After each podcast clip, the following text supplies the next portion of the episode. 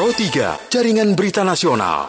Berikut pendengar kami hadir dalam sesi dialog layanan kesehatan kerjasama FKUI dan RRI dengan judul Perkembangan Riset Sel Punca bersama dengan narasumber dari Departemen Histologi Dr. Radiana Dewayani Antaryanto M. Biomed, PhD.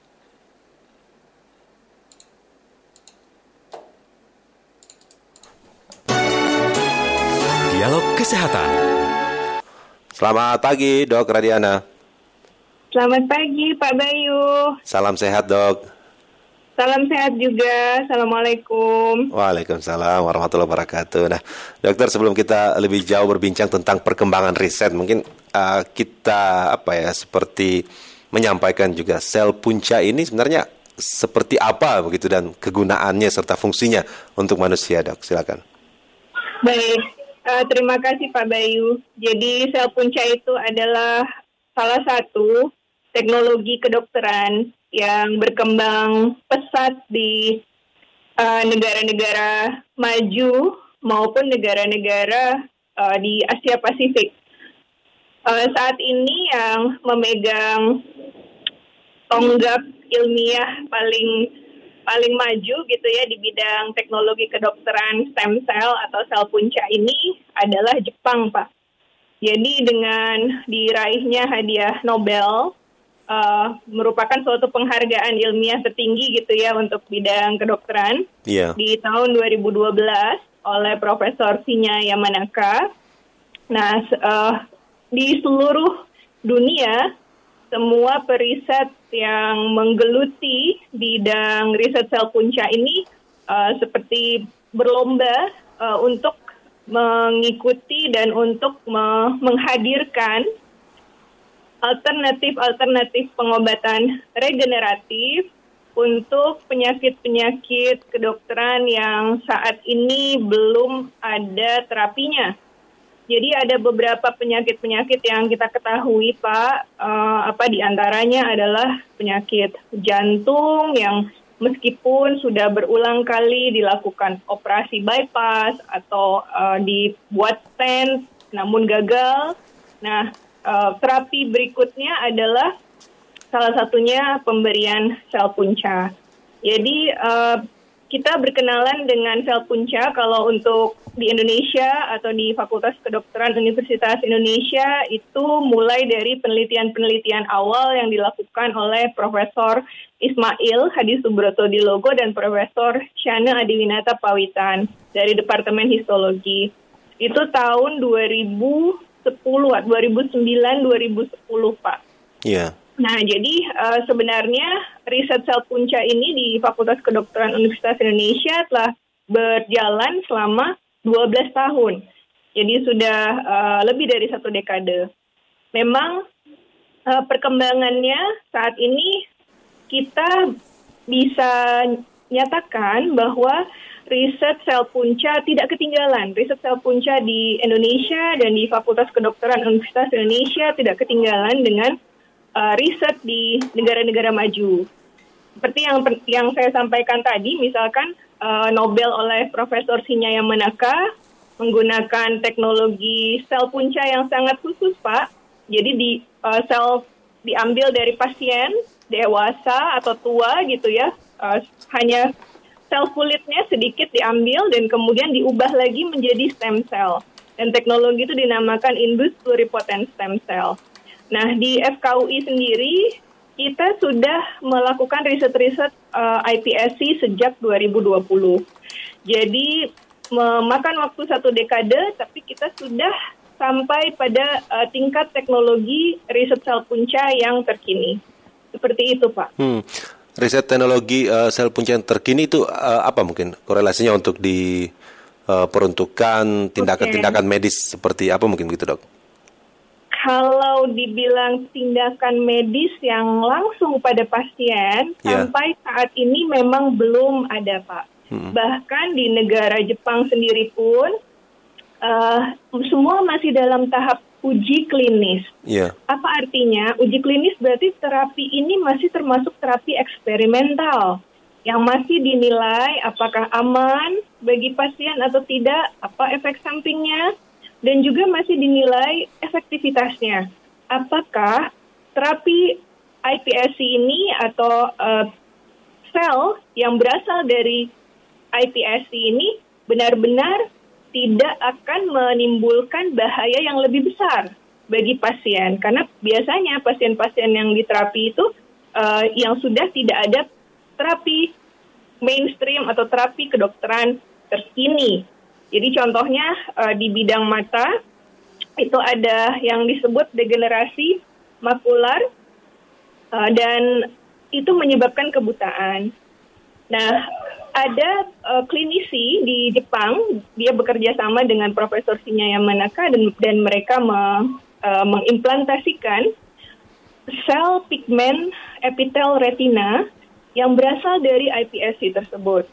Nah, uh, sayangnya penelitian ini atau uji klinis ini dihentikan uh, lebih dini dari waktu yang semestinya karena uh, aspek keamanan.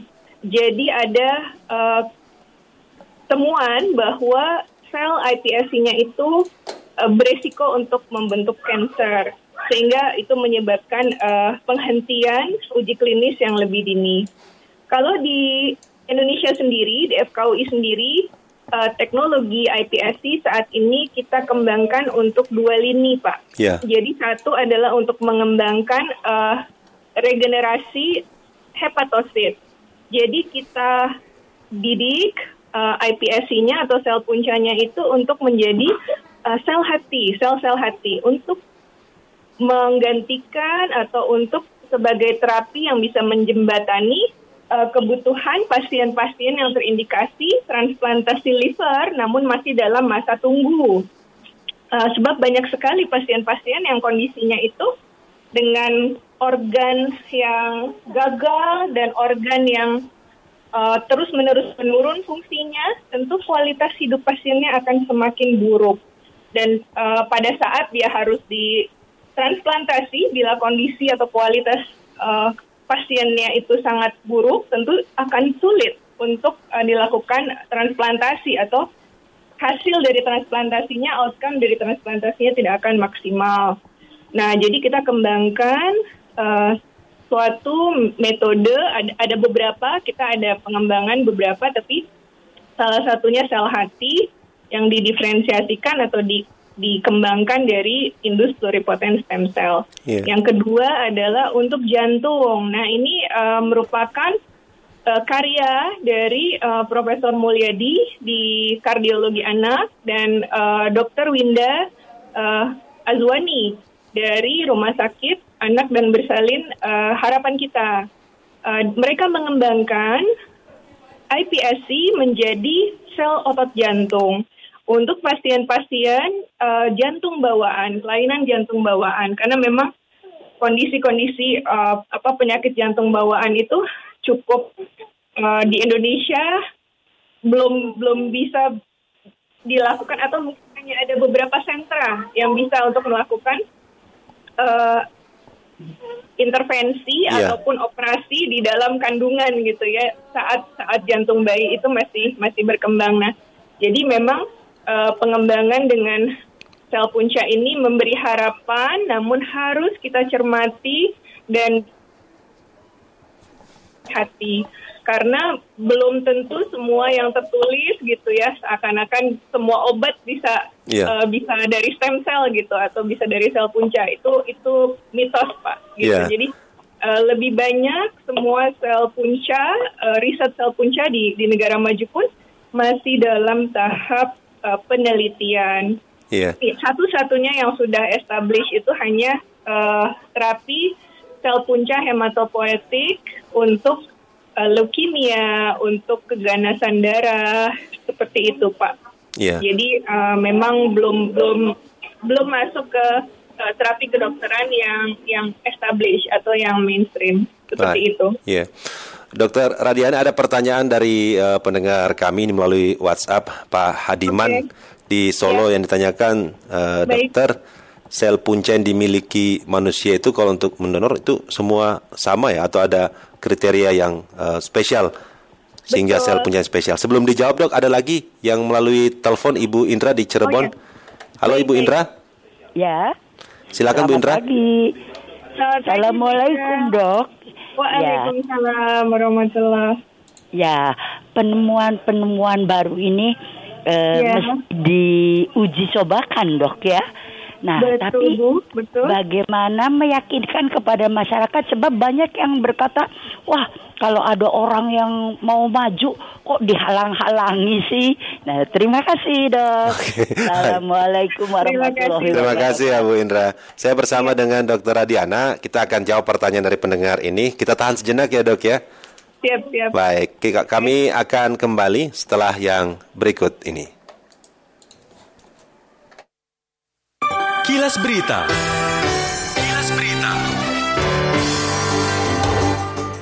Peringkat Pro 3 mantan Menteri Perdagangan Muhammad Lutfi memenuhi panggilan pemeriksaan yang dilayangkan oleh penyidik Kejaksaan Agung terkait dengan kasus dugaan tindak pidana korupsi pemberian izin ekspor minyak sawit mentah atau crude palm oil atau CPO hari ini.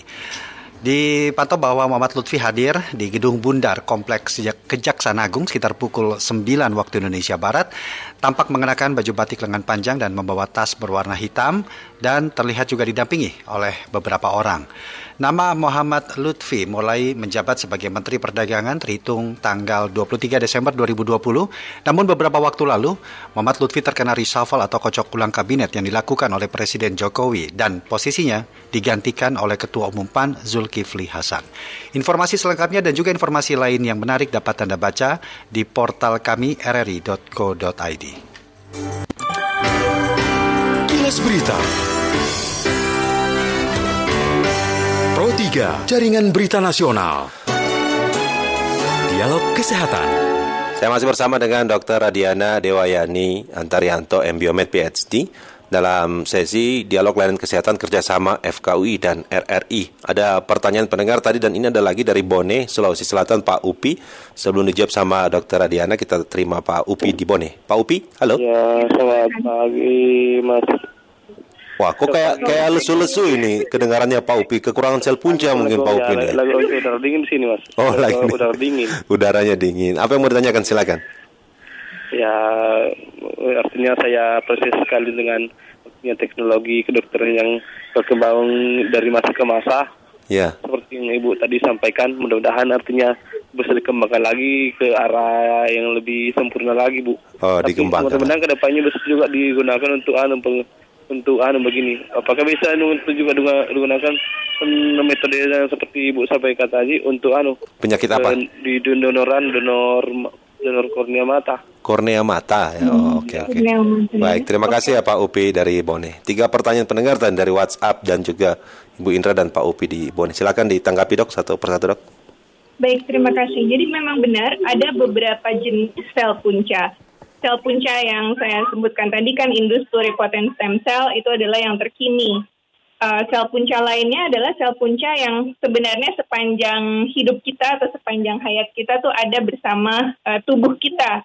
Jadi uh, kita tahu bahwa darah kita itu kan selalu di diperbarui ya Pak ya sel-sel darah selalu diperbarui. Nah, jadi kita juga memiliki sel punca hematopoietik namanya. Itu bersemayam di dalam sumsum tulang kita. Kemudian cara untuk mengetahui atau meng- mem- membuat ciri-ciri gitu ya kalau kita melihat uh, fisik seseorang kan kita melihat ciri-ciri. Nah, sel punca juga kita bisa kenali ciri-cirinya.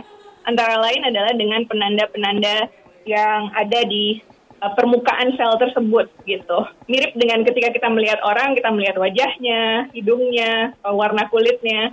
Nah, uh, sel punca juga kita bisa identifikasi dengan uh, beberapa metode antara lain dengan analisa flow cytometry, memeriksa uh, penanda yang sudah menjadi kesepakatan internasional atau uh, konsensus internasional. Kemudian untuk uh, sel punca berikutnya yang juga uh, bersemayam di sumsum tulang kita dan dia selalu ber apa berkeliaran gitu ya ke peredaran darah kita menuju ke organ-organ yang rusak. Itu dinamakan sel punca mesenkim. Nah, sel punca mesenkim yang dari sumsum tulang itu juga uh, ada konsensus internasionalnya di mana kita mengenali dengan penanda seperti CD75, CD90, uh, CD110 dan beberapa penanda lainnya itu untuk yang positif, yang untuk negatif juga kita punya uh, yaitu penanda untuk sel punca hematopoietik CD34. Nah, jadi itu dua jenis sel punca. Jenis sel punca lainnya adalah sel punca dengan kapasitas yang jauh lebih rendah. Nah, itu biasanya ada di masing-masing uh, organ kita. Misalkan, ya kita tahu dengan penyakit uh, pandemi COVID-19 kemarin, semua saluran pernafasan kita itu juga sebenarnya sel-selnya selalu uh, diperbarui tiap 2-3 bulan. Nah, jadi di masing-masing organ tubuh kita sebenarnya ada sel punca, tapi dengan kapasitas yang lebih terbatas. Dia hanya bisa untuk menggantikan sel dan jaringan di organ tersebut. Baik, kemudian untuk menjawab pertanyaan yang kedua, kenapa uh, atau bukan kenapa kata tanyanya tadi saya tahu uh, tadi kata tanyanya adalah bila perkembangannya sangat pesat, sangat maju, uh, bagaimana cara kita melihat apakah ini harus ditahan perkembangannya ataukah harus didukung perkembangannya? Yeah. Nah, yang saya pahami seperti ini. Jadi kita uh, perkembangan teknologi kedokteran itu tetap harus ada pakem-pakemnya, tetap harus ada uh, etika yang kita kita ikuti, kita patuhi, dan harus ada peraturan-peraturan yang juga bukan untuk mengekang, tetapi dalam jangka pendek dan dalam jangka panjang itu untuk melindungi. Melindungi siapa? Melindungi perisetnya dan juga melindungi masyarakat luas. Karena kita juga tidak ingin bila teknologi tersebut belum matur, belum dewasa, belum cukup untuk di, dinyatakan aman dan efektif, kemudian teknologi tersebut sudah tersebar ke masyarakat. Tentu ini akan menimbulkan spekulasi, ini akan menimbulkan uh, kebingungan, bahkan masyarakat bisa jadi kehilangan kepercayaan kepada periset-periset sel punca bila teknologi yang kita tampilkan itu masih belum matur dan masih belum siap untuk dipakai ke pasien. Kita di Fakultas Kedokteran Universitas Indonesia sangat bersyukur karena kita memiliki komite etik yang sangat uh, ri, bukan rigid ya, tapi mereka sangat baik gitu dalam dalam menjaga dan dalam melindungi etika tersebut. Sehingga setiap kali ada uji klinis yang menggunakan uh, sel punca, itu kita melalui beberapa pertemuan dan melalui beberapa uh, debat argumentasi yang yeah. yang sangat produktif kalau menurut saya sehingga kita dijaga dijaga agar semua uji klinis yang dilakukan itu berjalan sesuai dengan standar tidak hanya etika tapi ilmiah yang tertinggi. Jadi saya sangat bersyukur berada di FKUI karena uh, semua pakem-pakem tersebut dijaga dengan baik. Kemudian uh, pertanyaan yang ketiga tentang kornea mata. Jadi aplikasi atau penggunaan sel punca ini memang bisa dinyatakan uh, tidak terbatas. Dalam artian di dalam laboratorium kita bisa mengajarkan sel punca tersebut. Sel punca itu ibaratnya bayi gitu ya Pak ya, dia bisa diajarkan dengan dengan sangat cepat dan dengan sangat baik untuk menjadi sesuatu uh, jaringan atau suatu sel yang yang menjadi target kita. Nah, untuk kornea mata saya sudah pernah membaca laporan tapi uh, sepertinya belum dilakukan transplantasi utuh ya dari misalkan stem cell atau sel punca dikembangkan menjadi sel-sel kornea mata itu sudah ada, sudah ada beberapa penelitian di tingkat laboratoriumnya, kemudian dikasih ke hewan coba, tapi untuk kepastian itu belum, belum ada uji klinis yang untuk me melakukan transplantasi sel punca ke kornea mata gitu. Yang ada di FKUI uh, oleh Prof. Ratnasi Tompul dan waktu itu Dr. Fitra Aryesta Sinta Dewi itu menggunakan tetes mata yang bersumber atau yang komponennya adalah sel punca mesenkim dan juga zat-zat atau faktor-faktor yang dilepaskan oleh sel punca mesenkim tersebut. Jadi bentuknya tetes mata gitu, bukan kornea mata. Karena yeah. kalau kita lihat secara ini saya kembali ke ke ilmu histologinya gitu Pak ya, ilmu jaringan tubuhnya. Kornea itu bukanlah suatu uh, lapisan yang yang simple atau sederhana. Yeah. Ya ada tiga lapisan. Lapisan yang paling luarnya itu benar-benar uh, apa? Epitelnya sangat teratur. Lapisan paling dalamnya juga memiliki epitel yang yang tipis dan dan khusus gitu ya. Kemudian di antara kedua lapisan epitel itu ada jaringan ikat yang luar biasa uh, apa keteraturan atau linearitas dari serat-seratnya itu benar-benar simetris dan geometris yang agak sulit untuk di um, fabrikasi atau di recreate atau dicontoh ditiru oleh uh, katakanlah teknologi terkininya mungkin ya di bioengineering tuh nanofiber spun gitu electrospinning. Yeah. Nah itu mungkin agak sulit untuk karena electrospinning itu agak random dia membuat serat-seratnya random sedangkan kornea mata kita lapisan di tengahnya itu benar-benar luar biasa serat-seratnya geometrisnya itu uh, sangat teratur dalam skala nanometer sangat teratur jadi memang uh, apa kita juga uh, di riset sel punca ini jadi makin makin me menyadari kebesaran yang maha kuasa yeah. gitu ya Pak ya karena yeah. karena memang uh, Iya banyak lah kita kita banyak baca uh, artikel, publikasi ilmiah. Wah uh, grup ini sudah berhasil mengembangkan uh, hati, grup ini sudah berhasil mengembangkan jaringan uh, otak gitu ya, uh, tiga dimensi organoid otak gitu. Tapi ketika kita benar-benar memahami bahwa itu tidak sederhana gitu, itu butuh butuh waktu, butuh effort, butuh lapis demi lapis harus berkembang sesuai dengan tahapannya. Jadi kita semakin memahami uh, ya kebesaran yang maha kuasa itu aja yang saya bisa Baik.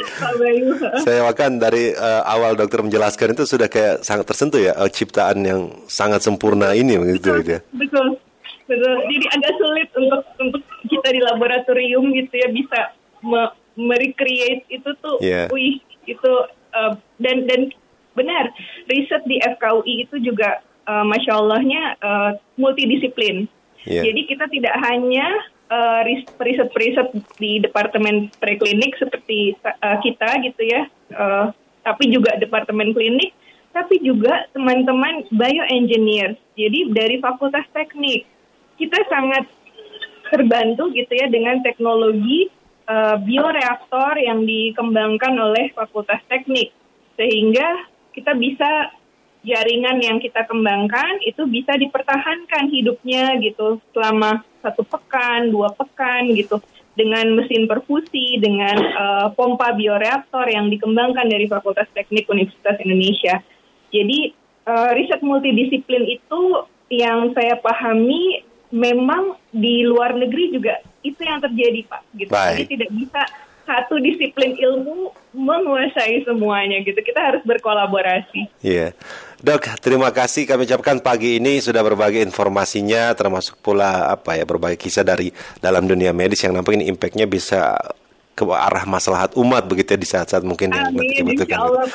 Sukses selalu ya dokter kami ucapkan. Ya, sama-sama Pak Bayu. Terima kasih sekali lagi. Assalamualaikum dok. Waalaikumsalam warahmatullahi Demikianlah pendengar uh, dialog layanan kesehatan kerjasama FKUI dan RRI dengan judul Perkembangan Riset Sel Punca. Dialog Kesehatan.